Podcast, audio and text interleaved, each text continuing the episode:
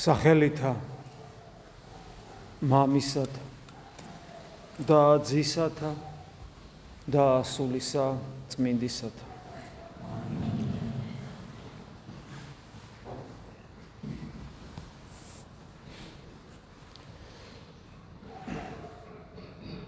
საეკლესიო ლიტურგიკული ციკლი ყოველწლიურად მეორდება როგორც კალენდარი მას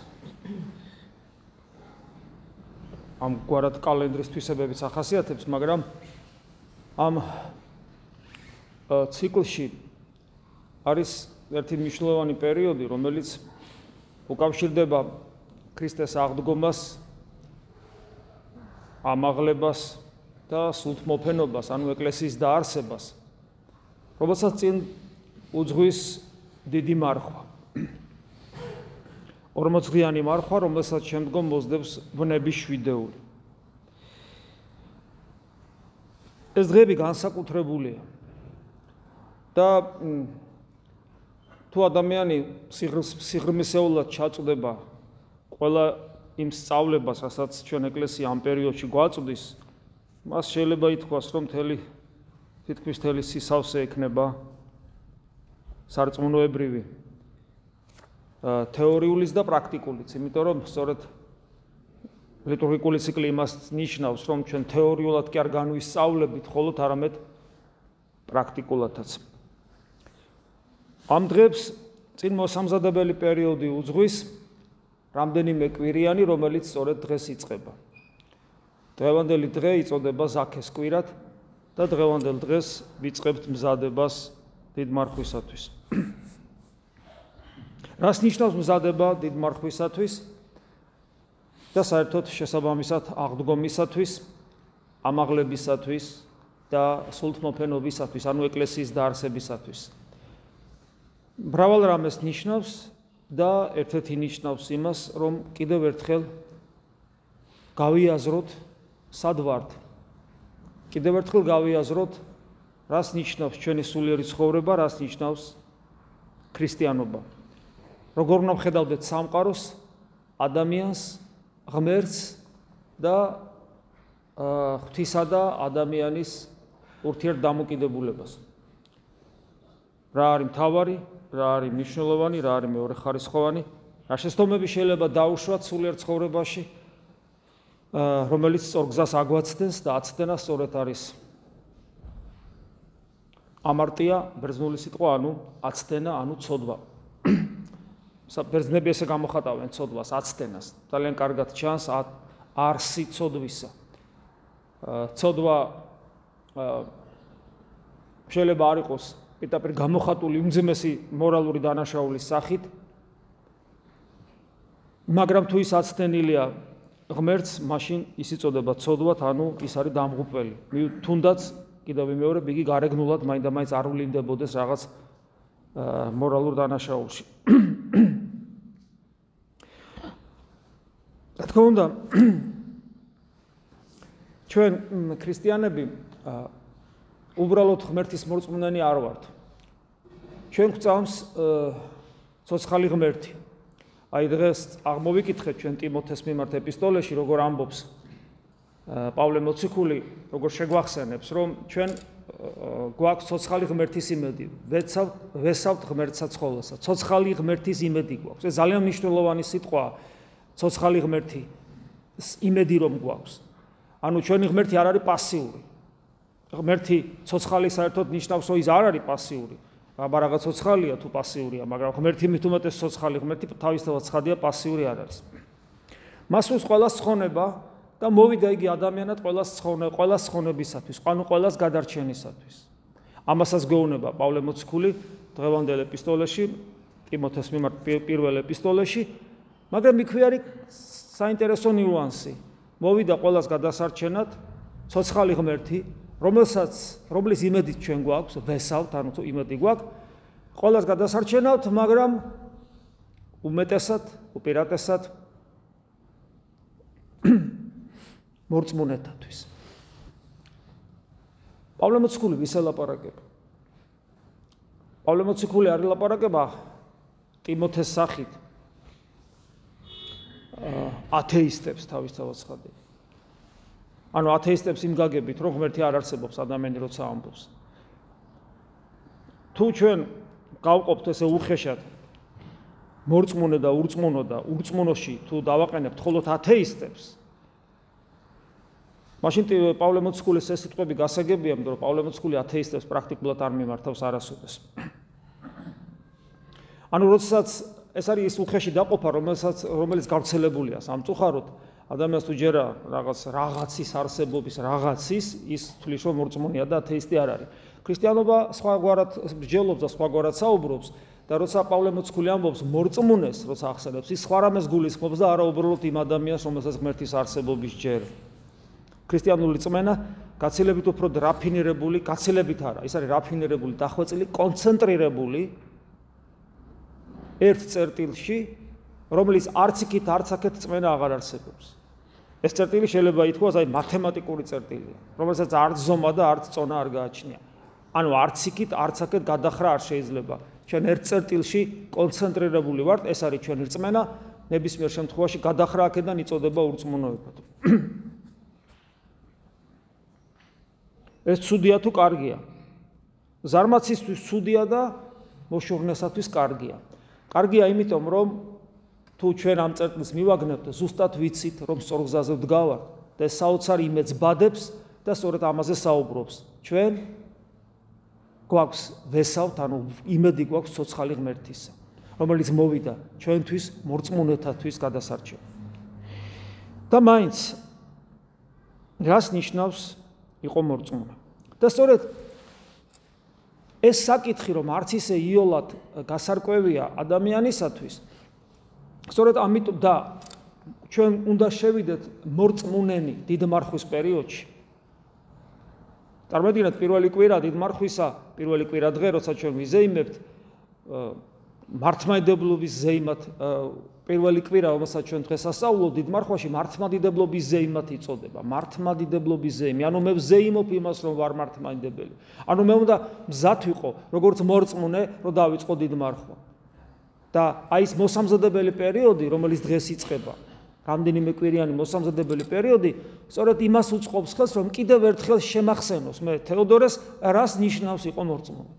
რომ ემან კიდევ ერთხელ როგორც მრავალგზის შემშლია, კიდევ ერთხელ არ შემეშალოს, კიდევ ერთხელ არ მეგონოს სხვა რამე მორწმუნეთ მყოფობა, ვიდრე ის სინამდვილეში არის. კიდევ ერთხელ არ მოხდეს ჩემი ცნობიერების გადახრა ამასოფლის სულისკენ, ამასოფლის სულის სული რასაც თავაზობს იმ ჩარჩოებს, იმ ჩარჩოებში არ აღმოჩნდე, რომ კიდევ ერთხელ არ დამიბნელდეს გონობა და კიდევ ერთხელ არ მეგონოს სარწმუნოება ის, რაც სინამდვილეში ქრისტიანულ სარწმუნოებად არ იწოდება. კიდევ ერთხელ დავინახო თუ რას ნიშნავს, რა რას ითხოვს ჩემგან ღმერთი და რა უნდა მას ჩემგან. ძალიან საინტერესო დღეებია, კვირეებია ეს. ეს მოსამზადებელი კვირები. რა თქმა უნდა, თქვენთვის მე იმედი მაქვს, რომ მრავალი თქვენგანისთვის ეს ახალი სულაც არ იქნება და ამიტომ მე ამას როცა ამ თემას რო ვეხები, არ მაქვს იმის ილუზია, რომ თქვენ რაღაც ახალს გეუბნებით და თქვენ არ იცი და აჰა, ეხლა გაგაგებინეთ. მაგრამ ისეთი უცნაური რამ არის ეს საკითხები და ეს თემები, რომ ჩემთვისაც აი გასაკვირია, ხო ვიცი ახლა რაზეც ვსაუბრობ, მე თვითონ ვსაუბრობ, მე თვითონ ვიცი რაზეც ვსაუბრობ, მრავალი წელია 20 წელზე მეტი ამ თემებზე ვსაუბრობ, როგორც ღდელი და მაინც ჩემთვის საინტერესოა, იმიტომ რომ არ ვიცი რატო. ფათაშორის ეს თემები, ეს საკითხავები ახლა დღესაც წავიკითხავთ იმ საკითხავს, რომელიც დღეს წავიკითხეთ, დღეს არის საკითხავი გახსოვთ მეზვერე ზაქეს შესახებ, შემდეგ კვირა იქნება მეზვერისა და ფარისევლის შესახებ, შემდეგ იქნება უძღებიშვილის შესახებ.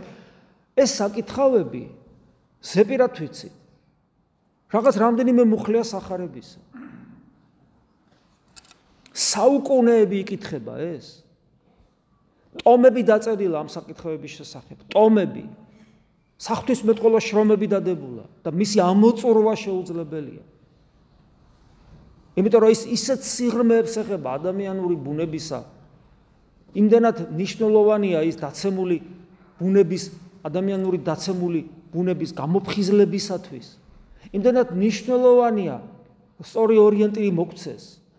იმდენად ეწინააღმდეგება ჩვენი ბუნება და იმდენად ვერ იგებს ცნობიერად თუ არაცნობიერად აი ამ მოცემულობას, რასაც ეს იგავები იგავები და სიუჟეტები გვაწვდიან. და იმდენად დიდია ეს ბრძოლა უფლის სიტყვასა და ჩვენ და ბუნებას შორის, რომ კვლავ და კვლავ საჭირო ხდება. კვლავ და კვლავ სიახლის მომცემია, კვლავ და კვლავ გამოსაფხიზლებელია, კვლავ და კვლავ აუცილებელია, რომ კიდევ ერთხელ, კიდევ ერთხელ და კიდევ ერთხელ შევახსენოთ საკუთარ თავს, გამოვაფხიზლოთ საკუთარი თავი იმ საშნელი ძილისაგან, იმ უпроსორედ დავიწყებისაგან, რომელი დავიწყებაც გვავიწყებს, გვავიწყებს.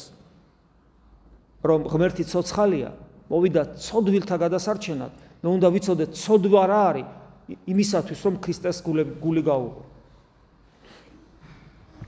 დიახ, ვიცოდე რა არის ცოდვა, რომ ქრისტეს გული გაუღო. იმიტომ რომ ჩემთვის ამასოფლის სულით აღსებული ადამიანისათვის ცოდვა არის, რასაც სხვა აშავებს და ყველა ყველაფერს აშავებს. მეც ვაშავებ, ვინ არ აშავებს, მაგრამ სხვა მაინც სხვანაირად აშავებს. შესაბამისად ჩემს თვალში ყველა ცოდვილია, იმიტომ რომ აშავებენ. ზოგი მეტად, ზოგი ნაკლებად. მეიოლება საკუთარ თავს ვაპატიო, მიჭირს სხვას ვაპატიო. და თლიანობაში დამყავს ცოდვის ცნება და პატიების ცნება რაღაც იურიდიულ ურთიერთობამდე ღმერთსა და ადამიანს შორის სადაც აუცილებლად კარგი ბიჭი უნდა იყოს რომ ღმერთმა შეგიფაროს. და მე ვხედავ ადამიანებს, რომ ისინი კარგები არ არიან. შესაბამისად ეს მე პრობლემას მიქმნის სერიოზულს. და მე ვარ იმ ზნეობრივი ჩარჩოებით შეზღუდული, რომელიც ზნეობრივი ჩარჩოებით სოციუმისათვის სასარგებლოა, მის garaშე შეუძლებელია.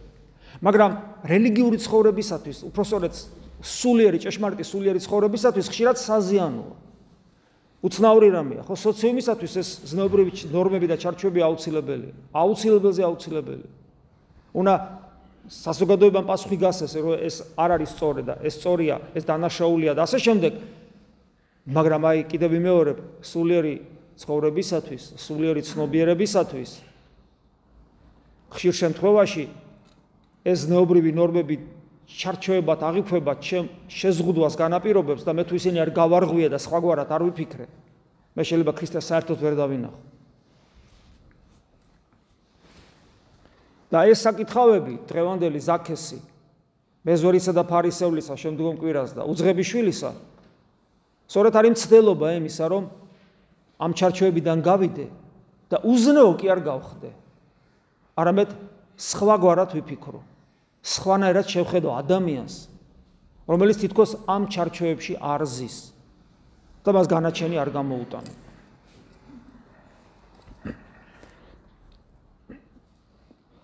მე ფიქრობ, კარგი იქნება თუ წავიკითხავთ დღევანდელ საკითხავს, ეს ბევრი არ არის, რამდე ძირითად მუხლებს მაინც და ვეცდებით რომ ღვთის მადლით და წყალობით კიდევ ერთხელ ჩაუღმავდეთ და გავიგოთ, ისი თქმა სულს სურს უფალს ჩვენთვის.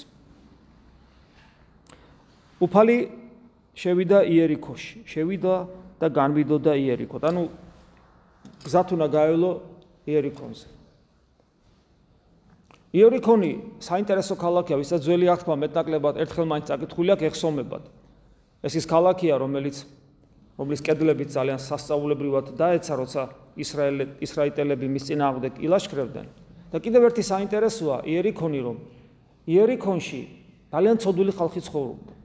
ამიტომაც დაინგრა ესე სასწაულებრივად ის და ყველაზე მართალი ადამიანი იერიქონში. აი კიდევ ერთი მინიშნება რა, ეს ზნეობრივი ნორმებისადმი ცოტა სხვაგვარი დამოკიდებულება რომ უნდა კონდეს ადამიანს. აა იერიქონში ყველაზე სუფთა და წმინდა ადამიანი იცით ვინ აღმოჩნდა? პროფესიონალი მეძავი.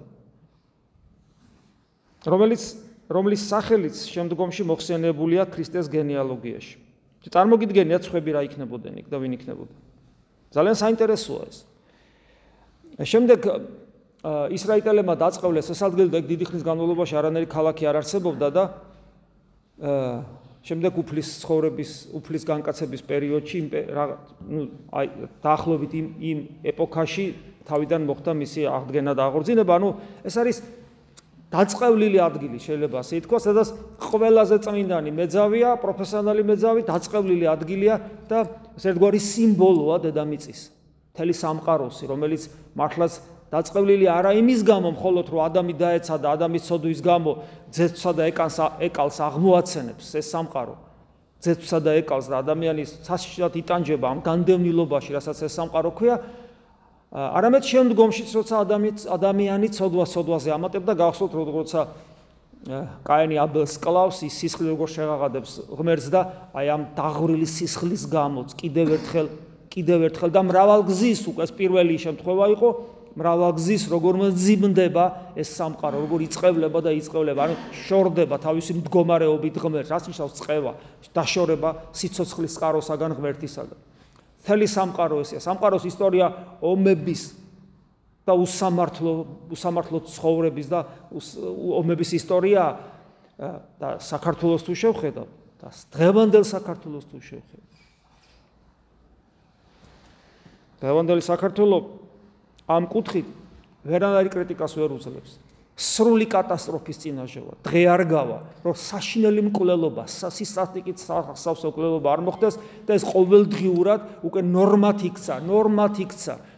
ვინც ჩემსავით ბებერია აქ, მათ ახსოვთ საქართველოში იშვიათად, რომ ვინმე ვინმეს მოკლავდა, თუ ესეთი რამე მოხდებოდა, ხო როგორი აი მე ხის გავარდნე გავარდნასავით იყო მოწმენდილ ცაზე რომ ვიღაცა ვიღაცა ვიღაცამ ვიღაცა დანით მოკლა და ასე შემდეგ. და დღეს ეს ყოველდღიური დღეში რამდენჯერ მეხდება მე წარმოგიდგენია კაინი აბელს კლავს და კიდევ ერთხელ იწყევლება დედამიწა. და რამდენი ადამიანი კვდება მეორე ადამიანის ხელით საქართველოში რა დღეშია ჩვენი სამშობლო ჩვენი ქვეყანა? მაგრამ კიდევ მეორე აი ქრისტეს შედის ასე დაწყევლილ ქალაქში. ქრისტე შემოდის ჩვენთანაც. იგი არის ჩვენთანაც. მაგრამ რა არის იმისათვის საჭირო, რომ ჩვენ იგი დავინახოთ და ამ წევის მდგომარეობიდან გამოვიდეთ? ეხლა აქ არის საინტერესო, რომ კი შევიდა, მაგრამ რისთვის შევიდა? თლიანად რო გადავხედავთ ჩვენ ამ სიუჟეტს დავინახავთ, რომ პრინციპში შევიდა ერთი ადამიანისათვის. ეს ერთი ადამიანი იყო აი ამ ქალაქში ყველაზე ცუდი ადამიანი. ასაინტერესოა ხო? რა თქმა უნდა ეს არ ნიშნავს რომ მარტო მისთვის შევიდა თლიანობაში იქ მის მაგალიძე მრავალი შეიძლება მე სწორგზაზე დამდგარიყო მაგრამ პრინციპულად აი თუ ნახავთ საქმის თვალსაზრისით ხო? ქრისტე რატო მაინდა-მაინც ამ ქალაქზე რატო უნდა გაიაროს ქრისტე? ქრისტე ამ ქალაქში შედის მხოლოდ ერთი ადამიანისათვის და ეს ერთი ადამიანი ყველაზე ცოდვილი ამ ამ ისედაც ცოდვილ საშინელ ქალაქში ყველაზე უფრო ცოდვილია. ეს არის მეზვერის მეზვერე ზაქე რომელიც არის უფროსი მეზვერეების და ნუ მეზვერე ხშირად გვითხოვს რაც არის ეს არის ჩვეულებრივი ერის მოღალატე. ჩვეულებრივი რომი ოკუპანტია ოკუპანტის მხარეს მუშაობს იმისათვის რომ ძარცოს საკუთარი ხალხი და ართმევს იმაზე მეც ვისაც რასაც რომაელები ავალებდნენ იმიტომ რომ იგი ძალიან მდიდარი იყო წერია საერთოდ ბიბლიაში როცა ადამიანი არის მდიდარი, მასზე ღვთისყალობა. ეს ის შემთხვევაა, როდესაც მდიდარი წერია უარყოფით კონტექსში. უარყოფით კონტექსში წერია მდიდარი, მდიდარია, მაგრამ არა ღვთით გამდიდრებული. ანუ გესმით, ისედაც რომ დამნაშავია, რომ რომის დავალებით მოქმედებს და თავის ხალხს ართმევს ამ თანხას, მაგრამ იმაზე მეც სართმევს, რომ თვითონაც გამდიდრდეს. აი ამ ადამიანისათვის შედის ზაქე. ზაქე ისედაც როგორია ხო პატარა არის და ეს მისი ზომაც კი მისი ძალიან პატარა რომ არის ეს ზომაც თითქოს ისეა დანახული აქ რომ გარეგნობას პრინციპში რა მნიშვნელობა აქვს მაგრამ მის ეს გროტესკულ სიტუაციაში როგორ აღმოჩნდება საკუთარ თავს რო აღმოაჩენს და სხვების დაცინის ობიექტია ვერ ხედავს ხეზე აძრება მაგრამ ის რომ იგი ხალხს არ უყვარს და ზულს ერთი ხრი მეორე ხსულაც არნიშნავს ხალხს ხალხს მისი არეშინია. მას ძალიან დიდი თანამდებობა აქვს. ძალიან დიდი თანამდებობა აქვს და ყველა ეს მეზვერეები ანუ მებაჟები მას უშუალოდ ემორჩილებიან. ამიტომ ის პატიმოყარობითაც ბუნებრივად ახსავსე არის. უნდა იყოს ყოველ შემთხვევაში წარმოედგინოთ დიდი თანამდებობა, ბევრი ფული, გამძღარი ფული და კიდე მეს შოულობს მოღალატე სამშობლოსი და მონებრივია რომ ის დამი შიში არსებობს, ის პატიმოყარეობით გაბუქვებული უნდა იყოს და ესე გაზულუქებული. მაგრამ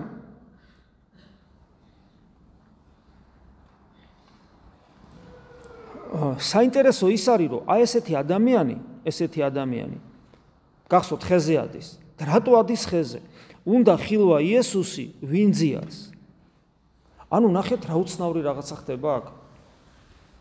ზაქეს ძალიან აინტერესებს ვინ არის იესო. ესე იგი ცოდვილია. ყველაზე ცოდვილია იმ ქალაქში. მე რა ნახავთ აი შემდეგ საკითხავზე გახსოვთ ისიც რომ მეზვერი და ფარისეველი ხო? სამრევლოში ყველაზე ცუდი ადამიანი. იქაც მეზვერე. შემდეგ საკითხავში უძღებიშვილი ოჯახში ყველაზე ცუდი ადამიანი. და ხედავ დამოკიდებულებას უფლისა ამ ცოდვილი ყველაზე ცუდი ადამიანებისადმი, ქალაქში, სამრევლოში, ოჯახში და ამ ამ ადამიანების გამართლებას ხედავთ ჩვენ უფლის წინაშე. კიდევ ეს ამ ეს ყველაფერი ჩაგვაფიქრებს და სხვა განწყობით მივდივარ დიდ მარხვასთან. დიდ მარხვაში შევდივართ არასხების განკითხვით, რაც ცუდები არიან. იმიტომ რომ ცუდები, ყველაზე ცუდები, უფალმა ამოიყვანა ამ მდგომარეობიდან, არამედ საკუთარ თავს მივაპყრობთ გონების მზერას, საკუთარ გულს გონების მზერას. და მინიმუმ იმ კითხვას მაინც დავსვავ, მე როგორი ვარ? და აი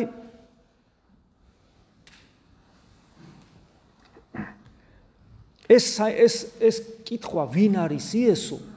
არის მისი უცნაურია, მაგრამ მისი რელიგიურობის მაჩვენებელი. შეხოთაშორის ის რომ რელიგიური ადამიანია და რელიგიით დაინტერესებული, მე კიდე გამოჩნდება ამას დავინახავ საოცრება, ანუ წესით ეს კაცი არის მონსტრი უბრალოდ რა. და ამ დროს მას რელიგიური ინტერესები აქვს. და განსაცვიფრებელი ცით რა არის, რომ ქრისტე ხო ყველას აინტერესებდა. აი იქ ვინც იყო, იქ უამრავი ხალხი ეხვია, ხო? უამრავი ხალხი ეხვია და იმდენი ხალხია შემოხვეული, მარტო მოწაფეები კი არა. იქ მოსახლეობა რომ ვერ ხედავს და ხეზე იმიტომ აზრება რომ ეგება დაინახოს. ვინ არის? აინტერესებს? ვინ არის? ყველას აინტერესებს ვინ არის. მაგრამ ერთადერთი ზაქი აღმოჩნდა რომელსაც სწორად აინტერესებს თუ ვინ არის. ქრისტე ყველას აინტერესებდა. გახსოვთ ძირითადი ინტერესი რა იყო ქრისტესადმი ფარისევლების რასაკეთებდნენ განათლებული მწიგნობრების მღვდელმთავრების მღვდლების. რა ინტერესი იყო? ინტერესი იყო ეს რომ აბა აბა გვიპასუხე ერთი ეს აკითხვას დაგისვავ ან გამოჭერა უნდათ ან კითხვა ან სასწაულის მოხდენა აი რაღაცა უნდათ ქრისტესაგან ისეთი რომელიც თავისთავად არა ჯანსაღია. ან განკურნება უნდათ ფიზიკური ვიღაცა ავათარი ან თვითონ ავათარი. სასწაულის მოხდენა კითხვაზე პასუხის გაცემა თეოლოგიური თემები სამართლებრივი თემები გესმით არც ერთს არ აინტერესებს თვითონ იესო ქრისტე ვინ არის ვინ არის? ჭეშმარიტი რელიგიური, ჭეშმარიტი სულიერი ინტერესი არც ეს არ აქვს, გარდა ზაქესი. და ზაქეს ეს აქვს. რატო არ ვიცი, მაგრამ აქვს. ის ის მაძიებელი კაცია, მან წმინდა წერილი იცის და მე გამოჩნდება სადეს როგორ იცის და რანერად იცის. და იგი გარბის და ლეღვზე ადის, რომ იქიდან დაინახოს. ხა იქ კი ავიდა, მაგრამ ან დაინახავდა ან არა. ხო სწორია.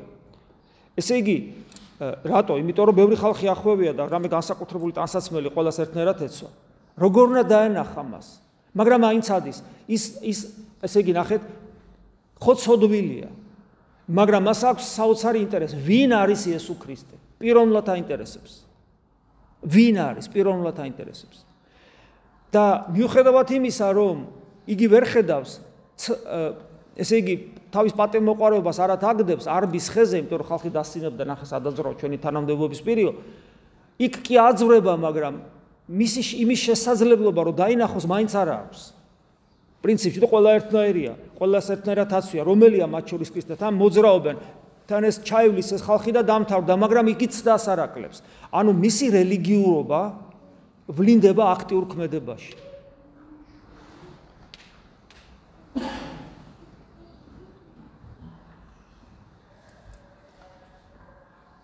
მისი რელიგიურობა აქტიურ ქმედებაშია გადასული. ჩვენთვის რა თქმა უნდა ეს ძალიან ძვირფასი მაგალითია, იმიტომ რომ თუ ჩვენ მართლა მორწმუნენი ვართ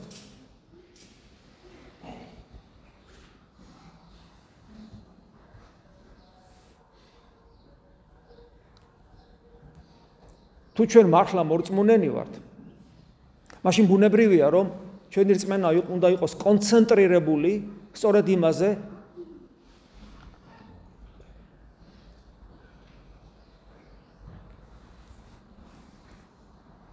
ჩვენი რწმენა კონცენტრირებული უნდა იყოს იმაზე თუ ვინ არის იესო ქრისტე. ანუ მის პიროვნებაზე. ხშირად გვითხოვს რომ ქრისტიანობა ნიშნავს განკაცებულ ღმერთთან ცოცხალი ღმერთი რომელიც განკაცდა მასთან პიროვნულ ურთიერთობას. ცხონების საფუძველთა საფუძველიას გახსოვთ მრავალი მაგალითი როცა რელიგიურ ადამიანებს წმინდა ცხოვრებით მაცხოვრებელ ადამიანებს ეუბნება გამშორდით და ეუბნება რატომ იქ ხუთი ქალწული გახსოვთ იქ ადამიანები რომლებიც მის წინაშე და ცხოვრობდნენ და მისი სახელით სასწაულებს ასახდენდნენ რასეუნება იესო ქრისტე. მე თქვენ არ გიცნობთ ანუ თავისთავად რელიგიური ზნეობრივი და წმინდა ცხოვრება. თავისთავად ისეთი რელიგიური ცხოვრებაც კი, რომელიც სასწაულებს ახდენს, არაფრის მომცემია, თუ მე ქრისტესთან პიროვნული ურთიერთობა არ მექნა. იმიტომ რომ ღმერთი მოვიდა ადამიანად იმისათვის, რომ მე მასთან პიროვნული ურთიერთობა მქონოდა. ცოცხალ ღმერთს ვესავთ. ცოცხალი ნიშნავს პიროვნებას, რომელთან ურთიერთობაც უნდა მქონდეს. იგი მოვიდა ადამიანად, რომ ამ პიროვნული ურთიერთობის საშუალება მოეცა. ამიტომ პირველ რიგში ჩემი ინტერესი არის ვინ პიროვნება, ვინ არის ის? ვინ არის ის? და სწორედ ზაქეს აი ამგვარი რელიგიურობა აღმოაჩნდა. ვინ არის ის? მაგრამ ვინ არის ის ამის გაგება ძალიან რთულია, რომც დაენახა მაინც, მაგრამ მიუხედავად და შეიძლება ვერც დაენახა, იგი მცდელობას არაკლებს, იგი იწყებს აქტიურ მოქმედებას. ეს ნიშნავს იმას, რომ ჩვენი სულიერი ცხოვრება იმით კი არ უნდა იყოს დაკავებული ვინ ვინ არის, ანუ განკითხვის სული ჩვენ გვაქვს ეს, ან იმით კი არა რომ ეკლესიაში კი ვარ და ეკლესიაში ისე როგორც თელს ჩვენ სამშობლოში სერიოზული ბრძოლებია და ეკლესიას ებძვიდან ებძვიან გარედანაც და შიგნიდანაც რაც ყველაზე ძალიან დამტკივნეულია. იწება თითქოს ავტორიტეტების მსხრევა და ბევრი ადამიანი რწმენას კარგავს და მათ გასაგონად ხმამაღლავ ამბობთ რომ ჩვენ ეკლესიაში არ ვართ ავტორიტეტების გამო. ჩვენ ვარ არ ეკლესიაში არ ვართ რომ ეკლესიაში სიმართლე ზეობდეს სიმართლე არ სადარზეობს ამ ამ სამყაროში. ჩვენ ეკლესიაში ვართ მხოლოდ და მხოლოდ ქრისტეს გამო, რომელიც ჯვარცმულია ყველგან, სადაც ადამიანები დადიან და არსებობენ. მათ შორის ჩვენ საკუთარ გულში ციგი ხშირად ჯვარცმულია. თუ ჩვენ ეკლესიაში არ ვართ იმისათვის, რომ გვაინტერესებდეს ვინ არის იესო ქრისტე და არ ვესწრაფით მასთან პიროვნულ ერთობას, ჩვენ დაგვაზიანებს ყველა ის ცოდნა და ინფორმაცია, რაც ესე გადმოღრილია დღეს მასმედიაში ტყუილი თუ მართალი. ჩვენ ჩვენი რწმენა ვერ გაუძლებს. იმ კიდევ ვიმეორებ იმ ინფორმაციას რომელიც იღურება თუ ჩვენ ეკლესიაში ვართ იმისთვის რომ ხელი მოვკიდოთ სამართლიანობას ამ სამყაროში და ეკლესიაში. ჩვენ ეკლესიაში არა ვართ კიდევ ვიმეორებ სამართლიანობის გამო. ჩვენ ეკლესიაში ვართ მხოლოდ და მხოლოდ ქრისტეს გამო. და თუ ეს რწმენა რეალის და ჩვენში მაშინ ჩვენ პავლე მოციქულივით შეგვეძლება ვთქვა ვინ განმაშოროს მე სიყვარულსა ქრისტესა ჩემსა და ქრისტეს შორის არავინ დგას. არ არსებობს ავტორიტეტი რომელიც ჩემსა და ქრისტეს შუა იდგეს ხოლო ეკლესია ქრისტეს მისტიური სხეულია რომელშიც მე ქრისტეს თვირვა ქრისტესთვის ვარ და არა სამართლიანობისა და ავტორიტეტებისათვის. ამიტომ ეშმაკი ყოველთვის უძლური იქნება. ყავს რა მაგას მას თავისი მსახურები როგორც ეკლესიის გარეთ ის ეკლესიის შიგნით დამანგრიოს რწმენა წამართვას იმიტომ რომ ჩემი რწმენა აქცენტირებულია სამართლიანობაზე მაგრამ თუ ჩემი რწმენა აქცენტირებულია ქრისტეზე თუ ვინ არის ის? თუ ჩემი რწმენა ზაქეს რწმენის ნაირია? თელი სამყარო რო აღსდგეს ვერაფერი ვერ წამართვეს მაქსიმი აღსარებლის წინააღმდეგ ყველა აღსდგა თუ ვინმე შეიძლება აღდგარიყო. როგორც გარე ხელისუფლება ისე საეკლესიო ხელისუფლება. ყველა აღსდგა მაგრამ მაქსიმი აღსარებელმა ქრისტე კი არ უარყო იგი მოწამეთ შეირაცხა ქრისტეს წინაშე და დღეს დიდი წმინდანია ეკლესიაში. ეკლესია არის ქრისტე და ქრისტე არის ეკლესია ამ ქვეყანაზე ადამიანად მოსული.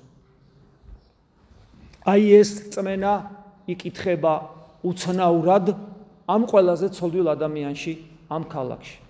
მომკითხავთ როგორ არ ვიცი, მაგრამ ეს ასეა. ეხლა საინტერესო რა არის რომ კი ავიდა მაგრამ უნდა გაიაროს მაგრამ როგორ უნდა იცნოს მაინც? ძნელია და უცებ მიდის მასთან ხესთან ხო გაიარა და ქრისტე მიუტრიალდება და ეუბნება ზაქე ისრაფე და გარდამოხეთ რამე თუ დღეს სახსაში ნაშენსა ჯერ არ ჩემიყობ ქრისტე სახელით სახელით მიმართავს. ხო არ იცნობდა ადამიანურად და წარმოგიდგენია ზაქესთვის რა იქნებოდა? ზაქე ეუბნება. ზა თელი მისი არსება შეყრობილია რომ დაინახოს ვინ არის ვინ არის იესო ქრისტე და უცებ იესო ქრისტე ეუბნება ზაქე. გახსოვთ ნათანაელის ამბავი. ნათანაელის ეს ლეღვი რა უცნაურია მოდი ერთი ლეგვის ხო ახაც დავრგათ ეზოში. ლეგვის ქვეშ რო იჯექიო ნათანაელი როგორ ხვდება რომ ის წინ ქრისტეა შე რო ლეგვის ქვეშ იჯექი მაშინ გიხილე და ლეგვის ქვეშ ნათანაელი გულით ღმერთს ესაუბრება და ეს დიალოგი ღმერთსა და ნათანაელს შორის ლეგვის ქვეშ რომელიც მოხდა მარტო ღმერთმა იცის და ნათანაელმა და ქრისტიანობა მე გიხილეო ლეგვის ქვეშ. გიხილე ანუ შენი გული ვიხილე და მიხვდა მის წინაშე ვინით და დახლობით მსგავსი რაღაცაა. ზაქე ზაქე მე შენთან სახლში მოვალ და ჩვენ ხო ვიცით სახლი რისი სიმბოლოა სახლი ხო სახლი ხო ჩვენი გულის სიმბოლოა საუნჯე ჩვენი გულის სიმბოლოა.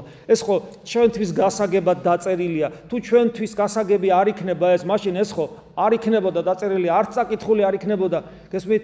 თან ახე ჩამოდი ჩამოდი სიმაღლეზეა ზაქე ჩამოდი დაიმდაბლე თავი. შეხო მე მეძებ. გინდა რომ მე შენს გულში შემოვიდე ზაქე. ჯერ ერთი მე შენ გიცნობ იცოდე. მე გიცნობ შენ ზაქე ხარ. მე შენი ცოდვაც ვიცი შენი უღირსებაც ვიცი მაგრამ მე შენი ღირსებაც ვიცი შენ მე მეძებ მაგრამ მე რო შენს გულში შემოვიდე შენ უნდა დაინდაბლო თავი ჩამოხვიდე ჩამოხვიდე დაბლა დაბლა და მე შენ გულში შემოვა და ზაქე ჩამოდის და იესო ქრისტე მის გულში მის სახლში ანუ მის გულში შედის. აქ როგორ იკითხება ხო? ისიხასტური პრაქტიკის გონიერი ლოცვის აუცილებლობა კიდევ ერთხელ ხო? ადამიანი რელიგიური ადამიანი მიუხედავად მისი ცოდვილობისა ჩვენ გვაქვს ეს ილუზია რომ მე თუ ეკლესიურად ცხოვრობ მე თუ ქრისტიანი ვარ მე ნაკლებ ცოდვილი ვარ და ეკლესიის გარეთ ჩემზე ცოდვილები არიან. ეკლესიური ადამიანი და არა ეკლესიური ადამიანი არ განსხვავდება ერთმანეთსაგან მარტო ერთი რამე აქვს გან ერთი რამეთ განსხვავდებიან ისინი რომ მორწმუნე ადამიანი ეძებს იესო ქრისტეს პიროვნულად თავის გულში და ცდილობს სიმდაბლით მიახლოს მას ეს გან და ჩვენ რა თქმა უნდა ამის ყოლა პირობა გვაქვს რომ ეს მოხდეს იმით რომ სიმდაბლეშიც სიმდაბლეც მოვიპოვოთ და მე ესე იგი ჩვენს გულში ქრისტე შემოვიდეს, იმიტომ რომ ეს ეს საშუალება სწორედ თავად ქრისტეა, რომელიც ევქარისტიაში, ანუ ზიარებაში გვეძლება. ეს განსხვავება. ხოლო დანახეთ, ხოლო თუ ადამიანი ეკლესიაში არ არის ქრისტესთან პიროვნული ერთობისთვის, ხოლო თუ ადამიანი ეკლესიაში არ არის ზიარებისთვის და თვეები გადის და არ ეზიარება, და ამას მე მით უმეტეს სასულიერო პირი უწყობს ხელს და არ აზიარებს, ხოლო თუ ეკლესიაში არის ადამიანი, რომელიც არ ცდილობს ისწავლოს ქრისტეთი ცემდეს მისი გული და სუნთქავდეს იესო ქრისტეთი და ჭამდეს და სვამდეს იესო ქრისტეს, აი ჭამა, სმა, სუნთქვა, გულისცემა იესო ქრისტეთი. როგორც نيكოლას წმინდა نيكოლას კავასილა ამბობს ჩვენ უნდა ვჭამდეთ, სვამდეთ და სუნთქავდეთ იესო ქრისტეს. ეს არის სწორედ ის სიხასტური პრაქტიკა, გონიერი ლოცვა, ევქარისტიული ცხოვრება. თუ ამისთვის არ არის, მაშინ დიახაც ეკლესიური ადამიანი არ განსხვავდება არა ეკლესიურისაგან, მეც სასგეთყვით, უარესიც არის ხშირ შემთხვევაში, იმიტომ რომ ის ფარისეულად ყალიბდება და გაბუქული თავისი ზნეობრივი თითქოს ცხოვრებით სხვა ზემოდან უყურებს თავის რელიგიურობიდან გამომდინარე უარესი ხდება ადამიანი რომელიც ეკლესიაში შემოდის და მისთვის სიცოცხლის ცენტრი არ ხდება იესო ქრისტე, ის უარესი ხდება არა ეკლესიურ ადამიანზე. ეს ჩვენ კარგად უნდა გვახსოვდეს და ამან ძალიან უნდა შეგვაშინოს. და თუ ჩვენ ხშირად არ ვუყვარვართ სხვა ადამიანებს, როცა არ უყვარვართ, ჩვენ გონია რომ აი იმიტომ არ უყვარვა რომ მე ქრისტიანი ვარ და ქრისტეს ებრძვიან. და მართლა ესეა რომ ესე ფიქრობ? დარწმუნებული ხარ რომ შენ იმიტომ არ უყვარხარ, ან ჩვენ იმიტომ არ უყვარვართ რომ ჩვენ ქრისტესნი ვართ? ეგება ჩვენ ფარისევლებად ჩამოყალიბდი და ჭეშმარიტად არ ვეყარებით მაშინ. ვის უყარს ფარისეველი? ვის უყარს ქედმაღალი ადამიანი, რომელიც თავის რელიგიურობით თავს იწონებს და ზემოდან სხვას უყურებს? ვინ ვინ შეგიყო ესეთი ადამიანი ნათელი ადამიანია, რომელიც ნათელი ისე უნდა წინავდეს, რომ სხვა ხედავდნენ ამ ნათელს და ღმერთს ეძებდნენ? ასე რომ ჩვენ ძალიან მთხილად უნდა ვიყოთ თუ არ უყვარდვართ, რის გამო არ უყვარვართ? ხოლო თუ ქრისტეს გამო არ უყვარვართ, საიდან გამოჩნდება პირველ რიგში ეს? იქიდან რომ ჩვენ მათ ვინ ჩვენ გვძულობს, ჩვენ არ შევიძულებთ. და ბასილ დიდის საიდუმლო ლოცვებში, როცა ბასილ დიდის წინა იკითხება, აი ხაზგასმით ითქვება, რომ ჩვენ ლოცულობთ მათთვის, ვინცაც ჩვენ უყვარვარ და ვინცაც ვისაც ჩვენ ვძულვართ, ვინ ჩვენ ვძულობენ, ესე წერია, მათთვისაც ყოველას მათ ღმერთ შევავედრებთ. ქრისტიანს ხვისი სიძულვილის უნარი არ აქვს. თუ ის ქრისტიანია, იმიტომ რომ მასში ქრისტე ცხოვრობს. ის ქრისტეს თვალებით იყურება.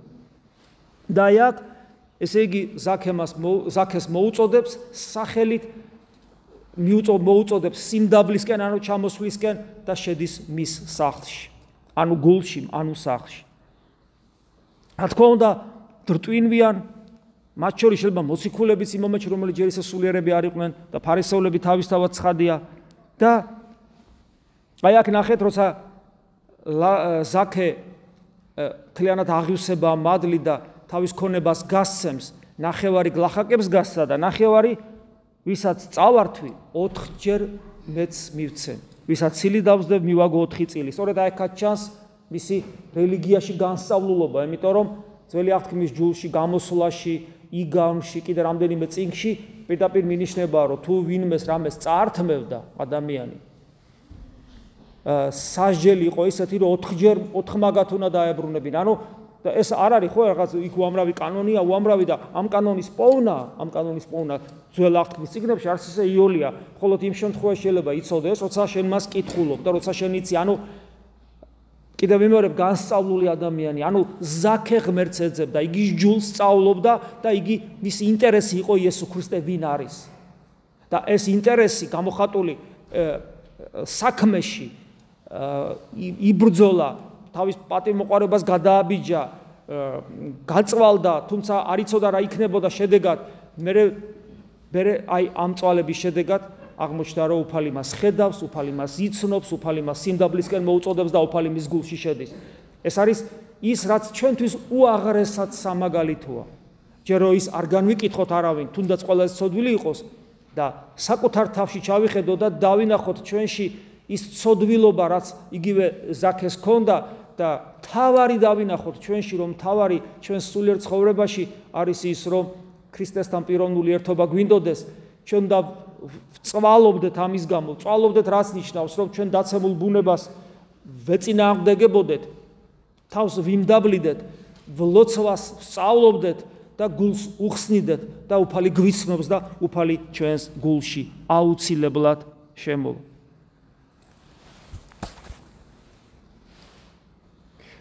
ეს არის ის რაც ძალზედ მნიშვნელოვანი იყო დღევანდელ დღეს გაგვეგო რომ ჩვენი სულიერი ცხოვრება ქრისტიანობა ეს არის იმედი გქონდეს ცოცხალი ღმერთისა რომელიც მოვიდა მორწმუნეთათვის ხოლო მორწმუნეა ის ადამიანი რომელიც მისი ცხოვრების და მიუხედავად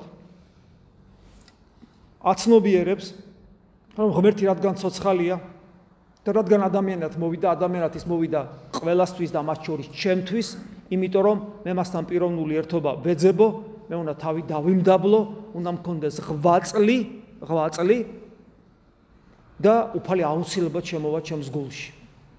და განწმეს ჩემს გულს და როგორც შემდეგ უფალი იტყვის, დღეს იქნა ამ კაცის ცხოვრება და მისი სახლეულის, ანუ და შენს გარშემო არა მარტო შენ, არამედ შენს გარშემო კიდე მრავალის გადარჩენა დაიწყება იმით, რომ შენს გულში ქრისტე დამკვიდრდება. ეს არის ის პირველი კვირა, პირველი კვირის სწავლება, რასაც ეკლესია გვაძლევს დღევანდელ დღეს და აი ამ განწყობით დავიწყებთ დღევანდელი დღის მერე შემდგომი დღეების დღეებში ცხოვრებას, შემდეგ იქნება კიდე სხვა დღეები და აი ესე ნელ-ნელა საფეხურებრივად უფალი შეგვიყვას დიდ მარხვის პერიოდში. ამინ. მადლი უფლისა ჩვენისა იესო ქრისტესი და სიყვარული ღვთისა და მამისა და ზიარება სული საწმინდისა იყოს თქვენ ყოველთა თანა. ამინ.